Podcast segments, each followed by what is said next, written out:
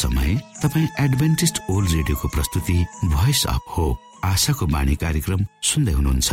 कार्यक्रम प्रस्तुता म रवि यो समय तपाईँको साथमा छु। परमेश्वरले भन्नुभएको छ तिमीहरूका कानले सुन्नेछौ बाटो यही हो यसैमा हिँड। श्रोता आशाको बाणी कार्यक्रमले हामीले चुन्नु पर्ने बाटोको विषयमा हामीले हिँड्नु पर्ने बाटोको विषयमा जानकारी गराउने गर्दछ। धेरै धेरै बाटाहरूको बीचमा कुन चाहिँ बाटो रोज्ने भनेर अलमलिएको मनलाई परमेश्वर तर्फ फर्काउन परमेश्वरको सत्यतालाई बुझ्न आशाको बाणी कार्यक्रम नियमित सुन्नुहोस्। तपाईँले सही बाटो सत्य जीवन र प्रभु येशु क्रिस्टलाई भेट्नुहुनेछ। आउनु श्रोता हामी हाम्रो मुख्य कार्यक्रममा जानु अगाडि आज पनि सुन्नेछौ यो मधुर क्रिस्टीय भजन।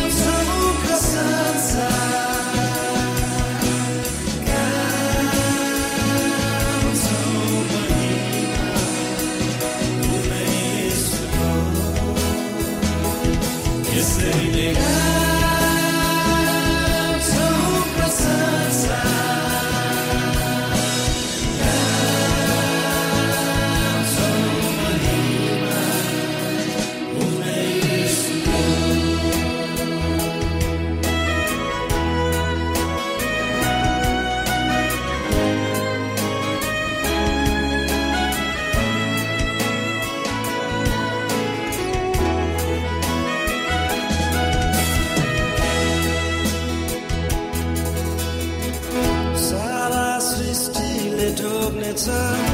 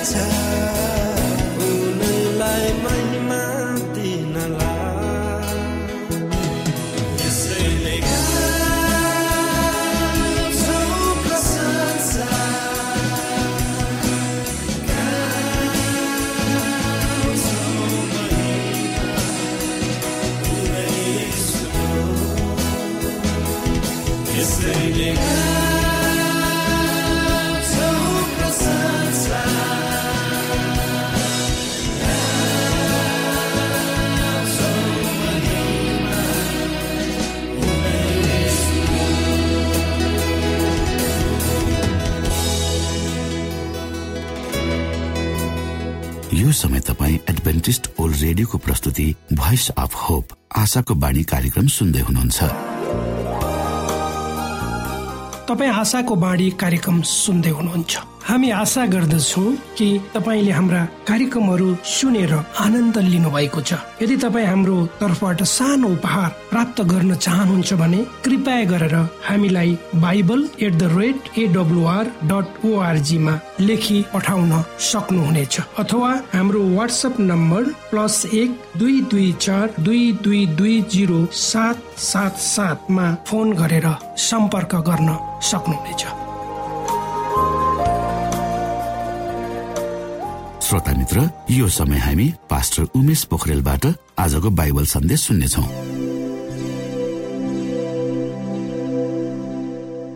श्रोता यो समय तपाईँहरू एडभेन्टिस्ट वर्ल्ड रेडियोको प्रस्तुतिमा आशाको बाणी रेडियो कार्यक्रम सुन्दै हुनुहुन्छ। तपाईँ आशाको बाणी कार्यक्रम सुन्दै हुनुहुन्छ। हामी आशा गर्दछौ कि तपाईँले हाम्रा कार्यक्रमहरू सुनेर आनन्द लिनु भएको छ। यदि तपाईँ हाम्रो तर्फबाट सानो उपहार प्राप्त गर्न चाहनुहुन्छ भने कृपया गरेर हामीलाई bible at the rate AWR dot ओआरजीमा लेखी पठाउन सक्नुहुनेछ। अथवा हाम्रो वाट्सएप नम्बर प्लस एक दुई दुई चार दुई दुई दुई जिरो सात सात सातमा फोन गरेर सम्पर्क गर्न सक्नुहुनेछ।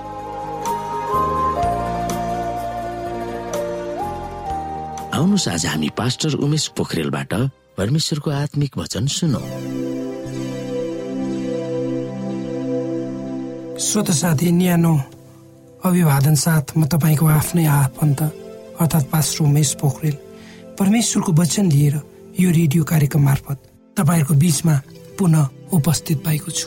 आउनुहोस् तपाईँ हामी केही समय परमेश्वर सँगसँगै बिताउँ।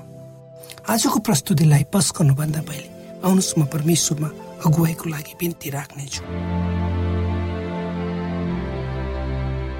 जीवे जिउँदो महान दयालु परमेश्वर प्रभु हामी तपाईँको चरणमा आउँछौँ। हामी धन्यवादी छौँ प्रभु यो जीवन र जीवनमा दिनुभएका प्रशस्त आशिष। यो कार्यक्रमलाई म तपाईँको हातमा राख्दछु।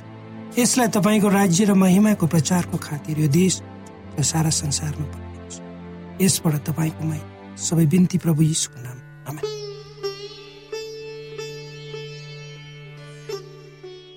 श्रोत साथी हामीहरू एउटा यस्तो युद्ध मैदानमा जिरहेका छौँ।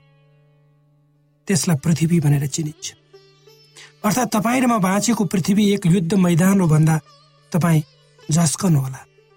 प्रत्येक समय जब हामी निन्द्राबाट उठ्छौँ बिहानीमा र राति सुत्न जान्छौँ हामीहरू आत्मिक युद्ध जुन अनन्तको जीवन वा मृत्युसँग लडिरहेका कतिपय अवस्थामा हामीलाई थाहा नहुन सक्छ यो आत्मिक युद्धको बारे। यस्तो समयमा हामीहरू जिरहेका छौँ। सारा संसारको अवस्था देख्दा तपाईँ हाम्रो मनमा एउटा प्रश्न अवश्य उठ्छ। परमेश्वरको निम्ति अनि हामी उहाँलाई सोध्छौँ मर्नको लागि जिउने भनेको के हो? के हामी सबै मर्नको लागि जिउँछौँ त? यो प्रश्न सबै मानिसहरूको मनमा उठ्ने प्रश्न हो।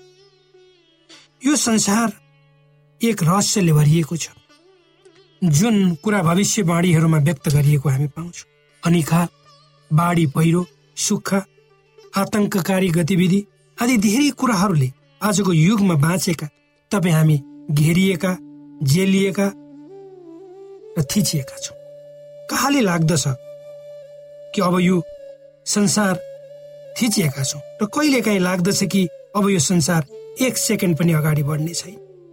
मानव सभ्यताको विनाश छिट्टै हुनेछ युद्धहरू र युद्धहरूका हल्लाले सबै मानिसहरूमा एक किसिमको अनिश्चित र अव्यक्त त्रास र भविष्य छाएको स्पष्टै हामी अनुभव गर्न सक्छौँ।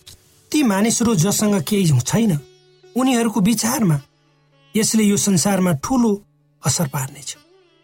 यी सबै कुराहरू बाहेक सैतानले आफ्नो अन्तिम उपाय मानव जातिलाई जित्नको निम्ति मानव जातिको मन जित्नको निम्ति विभिन्न किसिमका जाल झेल र झमेला र युक्तिहरू रचिरहेको छ।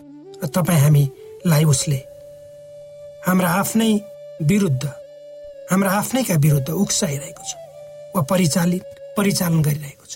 र यो आत्मिक युद्धमा तपाईँ हामी जुनसुकै तह र तब्काका किन नहौँ चाहे तराईको समथल भूमिमा वा पहाडका उपत्यका वा बस्तीहरूमा बस्ने किन नहौँ। सबै यसमा सहभागी छौँ। कतिलाई थाहा नभई र कति थाहा हुँदा हुँदै पनि यो यस्तो युद्ध हो जो मानिसको दिमागमा लडिन्छ र यस युद्धमा हामीहरू या त परमेश्वरको तर्फबाट वा शैतानको तर्फबाट भएर युद्ध गर्नेछौँ। यदि तपाईँ हामी यो असल र खराब बीचको युद्धमा परमेश्वरको तर्फमा भएर अर्थात् सत्यको निम्ति न्यायको निम्ति जे कुरो ठिक छ त्यसको निम्ति लडिरहेका छौँ भने। निश्चय नै हामीहरू असलको निम्ति अर्थात् परमेश्वरको पक्षमा भएर युद्ध लडिरहेका छौँ। यदि हामी खराबीको पक्षमा छौँ सांसारिक मोजमजा र पनमा लागेर अन्याय अत्याचार शोषण दमन र कुटिल चालहरूद्वारा हामी आफ्नो अस्तित्व वा वर्चस्व स्थापित गर्ने उद्देश्यमा छौँ भने निश्चय नै हामी खराबको पक्षमा भएर लडिरहेका छौँ। त्यो खराबको नाइके सैतान हो जसले मानिस जातिमा शङ्खा रिस द्वेष घृणा हिंसा अत्याचार षड्यन्त्र जस्ता कुराहरू हालिदिन्छ र आफ्नो चेलाहरू बन चेला बनाउँछ। अन्त्यमा अन्त्यमा गएर हामीलाई मृत्युतर्फ त्यसले लान्छ र लगिरहेको पनि छ होइन र? श्रोत साथी हामीहरू परमेश्वरबाट टाढा हुँदै गइरहेका छौँ। अर्थात् हामी यस्ता हाँगाहरू जो रुखको मुख्य भागबाट काटिँदैछौँ।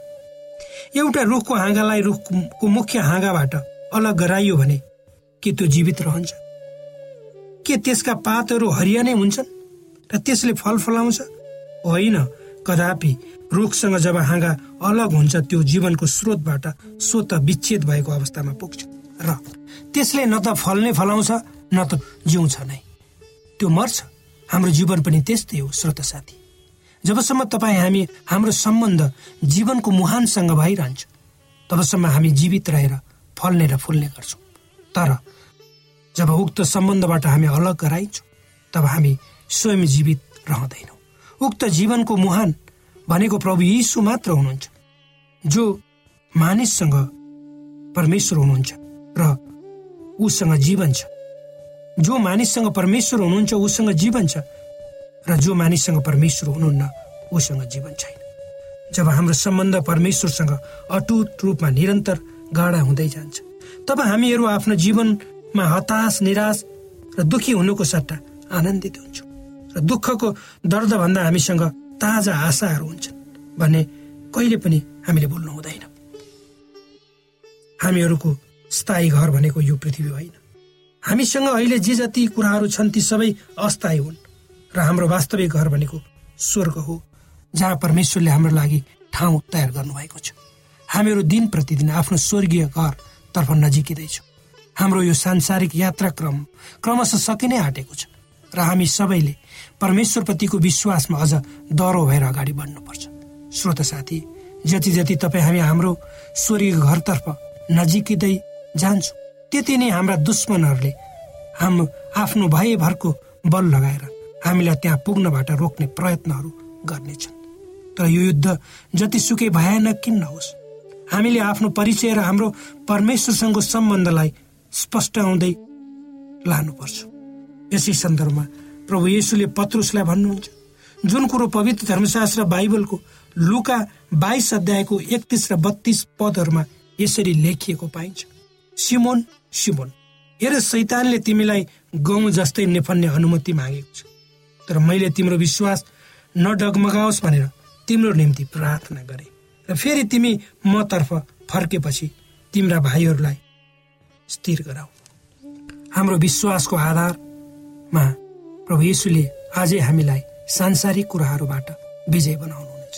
यसै सन्दर्भमा भजन सङ्ग्रह तीन अध्यायको तिनदेखि आठ पदहरूमा राजा दाउद सहायताको निम्ति परमेश्वरसँग यसरी प्रार्थना गर्छन्। हे परमेश्वर तपाईँ मेरो वरिपरि एक ढाल हुनुहुन्छ। तपाईँ मेरो गौरव र मेरो शिर उच्च पारिदिने हुनुहुन्छ। म चर्को स्वरले परमप्रभुमा पुकार गर्दछु र उहाँले आफ्नो पवित्र पर्वतबाट मलाई जवाब दिनुहुन्छ। म पल्टन्छु र निधाइहाल्छु। र म फेरि बिउजन्छु किनभने परमप्रभुले मलाई सम्हाल्नुहुन्छ। मेरो विरुद्धमा मेरा चारैतिर घेरा हाल्ने दसौँ हजार शत्रुहरूसँग पनि म डराउने छैन। हे परमप्रभु उठ्नुहोस्। हे मेरा परमेश्वर मलाई बचाउनुहोस्।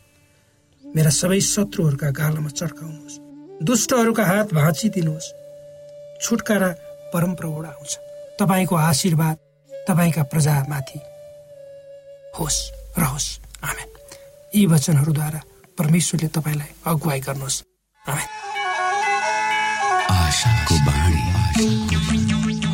श्रोता भर्खरै यहाँले पास्टर उमेश पोखरेलबाट बाइबल वचन सुन्नुभयो। यो समय तपाईँ एडभेन्टिस्ट ओल्ड रेडियोको प्रस्तुति भोइस अफ होप आशाको बाणी कार्यक्रम सुन्दै हुनुहुन्छ। कार्यक्रम सुनेर बस्नुहुने सबै श्रोतालाई हामी हाम्रो कार्यक्रममा स्वागत गर्न चाहन्छौ। श्रोता मित्र यदि तपाईँ जीवनदेखि हरेस खानु भएको छ तपाईँका जीवनमा धेरै अनुत्तरित प्रश्नहरू छन् भने आउनुहोस् हामी तपाईँलाई परमेश्वरको ज्योतिमा डोहोऱ्याउन चाहन्छौँ र तपाईँ आफ्नो जीवनका चिन्ता फिक्रीबाट निश्चिन्त हुनुहोस् र बाँच्नुको आनन्द परमेश्वरको सामिप्यमा कति मिठो हुन्छ त्यो चाख्नुहोस् भनी हामी चाहन्छौँ।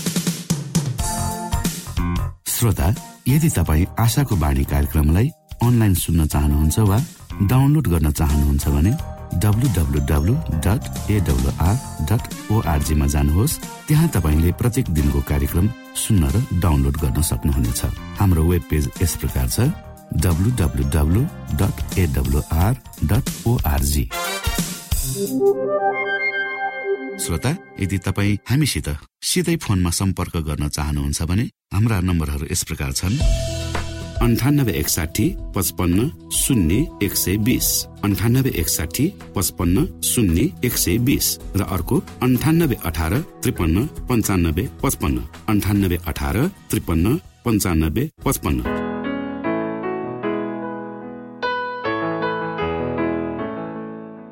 एडभेन्टेज ओल्ड रेडियो हो। तपाईँ आशाको बाणी कार्यक्रम सुन्दै हुनुहुन्छ। यस सम्बन्धी थप जानकारीको लागि कृपया गरेर हामीलाई सम्पर्क राख्न सक्नु हुनेछ हाम्रो इमेलको ठेगाना bible at the rate AWR dot org अर्थात् B I B L E at AWR dot org हो। तपाईँ हामीलाई हाम्रो वाट्सएप नम्बर प्लस एक दुई दुई चार दुई दुई दुई जिरो सात सात सातमा पनि कल गरेर सम्पर्क राख्न सक्नुहुनेछ। अर्थात् प्लस एक दुई दुई चार दुई दुई दुई जिरो सात सात सात। यो आशाको बाणी रेडियो कार्यक्रम हो। म धनलाल राई यहाँहरूलाई यस कार्यक्रममा न्यानो स्वागत गर्दछु। श्रोता साथी आज म तपाईँको बीचमा बाइबल सन्देश लिएर आएको छु। आजको बाइबल सन्देशको शीर्षक रहेको छ परमेश्वरको भय मान्ने र उहाँको आदेशलाई पालना गर्नु। श्रोता साथी सम्पूर्ण जीवनभरि परमप्रभु तिमीहरूका परमेश्वरको भय मान भनेर व्यवस्थाको पुस्तकमा लेखिएको छ। तिमीहरू र तिमीहरूका छोराछोरी र नाति नातिनाले उहाँका सबै विधि र आज्ञाहरू पालना गर्नु कि तिमीहरूको आयु लामो होस्। ए इसरायली हो यी सबै पालना गर ताकि तिमीहरूको भलो होस्। र परमप्रभु तिमीहरूका पिता पुर्खाका परमेश्वरले तिमीहरूलाई प्रतिज्ञा गर्नु भए झै दूत र मह बहने देशमा तिमीहरूको खुब वृद्धि होस्। व्यवस्था छ अध्यायको दुईदेखि तीन।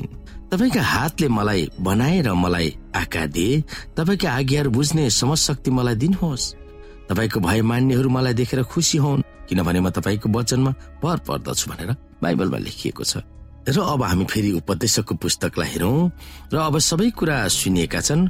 कुराको निष्कर्ष चाहिँ यही हो परमेश्वरको भय राख र उहाँका आज्ञाहरू पालना गर किनभने मानिसले गर्नुपर्ने सारा कर्तव्य यही नै हो किनकि हामीले गरेको अनेक काम असल होस् वा खराब होस् प्रत्येक गुप्त कुरा समेत सबैको न्याय परमेश्वरले गर्नुहुनेछ भनेर बाइबलमा भनिएको छ।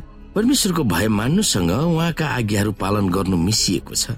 हामीले अघि हेरेका बाइबलका पदहरूले परमेश्वरप्रति भय राख्नु नै दिमागमा उहाँप्रति आदर सम्मान र श्रद्धा राख्नु जसले उहाँका आज्ञाहरू पालन गर्न अग्रसर गराउँछ भनेर भनिएको छ।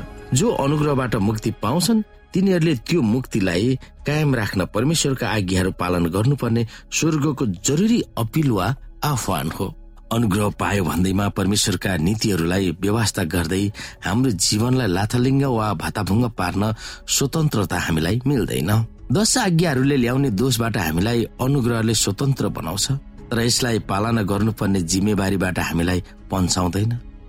अनुग्रहले हामीलाई विगतको दोषबाट मात्र हामीलाई मुक्ति दिँदैन तर यसले वर्तमान जीवनमा ईश्वरीय भक्तको जीवन बिताउन हामीलाई शक्ति सम्पन्न गराउँदछ। प्रेरित पावलले यो ठोकुवा गर्छन् उहाँका नाउँको खातिर विश्वासद्वारा आउने आज्ञा पालन सबै जातिहरूका बीचमा ल्याउनलाई हामीले उहाँद्वारा अनुग्रह र प्रेरितको काम पाएका छौँ। रोमी एक अध्यायको पाँच। कतिपय इसाईहरू वा इसाई सम्प्रदाय चाहे रोमन क्याथोलिक होस् वा प्रोटेस्टेन्टहरू होस् तिनीहरूमा अनौठो धारणा छ। तिनीहरूले दावी गर्छन् कि अनुग्रहले हामीले मुक्ति पाउने भएकोले परमेश्वरका दश आज्ञाहरू निलम्बन भयो वा त्यसलाई खास पालना गर्न आवश्यक छैन। दश आज्ञाको बारेमा चर्चा गर्नु नै विधिवाद वा परम्परावाद हो भनेर तिनीहरूले विश्वास गर्छन्। तिनीहरूले भन्छन् मलाई यसो भए पुग्छ। तर प्रश्न चाहिँ यो छ कुन यसु? हाम्रो आफ्नै धारणाले आविष्कार गरेको यसु कि धर्मशास्त्र बाइबलको यसु? धर्मशास्त्र बाइबलको यसुले हामीलाई दश आज्ञाहरूलाई कहिले पनि न्यूनतम झार्नु भएको छैन वा त्यसको गरिमालाई कुल्चनु भएको पनि छैन। दश आज्ञा नै उहाँको चरित्रको प्रतिलिपि वा दस्तावेज हो भनेर हामी बुझ्छौँ। धर्मशास्त्रको यसुले हामीलाई बाइबलको शिक्षा दीक्षालाई कहिल्यै पनि नगन्य स्तरमा झार्नु भएको छैन। बाइबलले नै हामीलाई परमेश्वरको बारेमा स्पष्ट रूपमा प्रकट गर्दछ र यस संसारमा उहाँको योजना के छ भनेर देखाउँदछ। धर्मशास्त्रको ख्रिस्टले हामीलाई बाइबलको शिक्षा दीक्षालाई कहिले पनि दिक्क लाग्दो बनाउँदैन। बाइबलको नीतिलाई व्यवस्था गरेर धर्मात्माको खोल लगाउने इसाईहरूको चलन ख्रिस्टको निम्ति अमान्य छ। ख्रिस्ट नै बाइबलको शिक्षा दीक्षा नीति र सत्यको सर्वाङ हुनुहुन्छ सत्यको साक्षात्कार यसो हुनुहुन्छ। बाइबलको शिक्षा दीक्षालाई उहाँले आफ्नो जीवनमा उतार्नु भएको थियो। यसुले हामीलाई उपलब्ध गराउनु भएको सबै थोक पूर्ण रूपमा विश्वासद्वारा ग्रहण गर्नुपर्छ भनेर प्रकाशको अन्तिम आग्रह हामीलाई गरेको छ। परमेश्वरको भय मान जसको अर्थ यो हो हामीमा भएको विश्वासले उहाँको मुक्ति दिने शक्तिलाई स्वीकार्दै हाम्रो जीवन शक्ति र आज्ञाकारी बनाउन उहाँले नै शक्ति सम्पन्न गराउनुहुन्छ भन्ने कुरामा हामी ढुक्क हुनु हो। अन्तिम श्रोता यसुले भन्नुभएको यो भावनालाई हामीले कसरी लिन सक्छौ? तिनीहरूसँग नडराओ जसले शरीरलाई मार्छन् तर आत्मालाई मार्न सक्दैनन्। बरु आत्मा र शरीर दुवैलाई नरकमा नाश गर्न सक्नेसँग डराउ भनेर मत्ती दश अध्यायको अठाइसमा लेखिएको छ। परमेश्वरको भय मान्नुको अर्थ यसले हामीलाई कसरी बुझाउन खोजिरहेको छ त्यो विषयमा हामी बुझ्न सक्दछौ। येसु ख्रिस्टको चरणमा म झुक्छु कृतज्ञ हृदय लिएर आराधना गर्छु। येसु ख्रिस्टको चरणमा म झुक्छु कृतज्ञ हृदय लिएर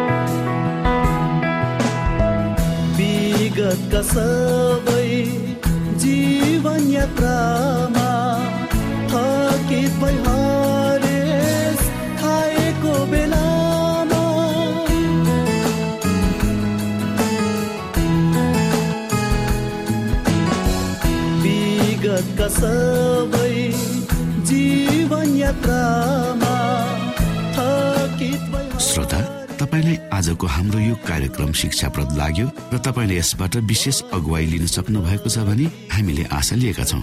हामीसँग पत्राचार गर्ने हाम्रो ठेगाना यस प्रकार छ। आशाको बाणी पोस्ट बक्स नम्बर दुई शून्य शून्य शून्य दुई काठमाडौँ नेपाल। श्रोता यदि तपाईँ हाम्रो स्टुडियोको नम्बरमा सम्पर्क गर्न चाहनुहुन्छ भने हाम्रा नम्बरहरू यस प्रकार छन्। अन्ठानब्बे एकसाठी पचपन्न शून्य एक सय बिस। अन्ठानब्बे एकसाठी पचपन्न शून्य एक सय बिस। र अर्को अन्ठानब्बे अठार त्रिपन्न पन्चानब्बे पचपन्न। अन्ठानब्बे अठार त्रिपन्न पन्चानब्बे पचपन्न। अवस्था श्रोता भोलि फेरि यही स्टेशन र यही समयमा यहाँसँग भेट्ने आशा राख्दै प्राविधिक साथी राजेश पास्टर उमेश पोखरेल र कार्यक्रम प्रस्तुता म रवि। यहाँसँग विदा माग्दछौ। नमस्कार।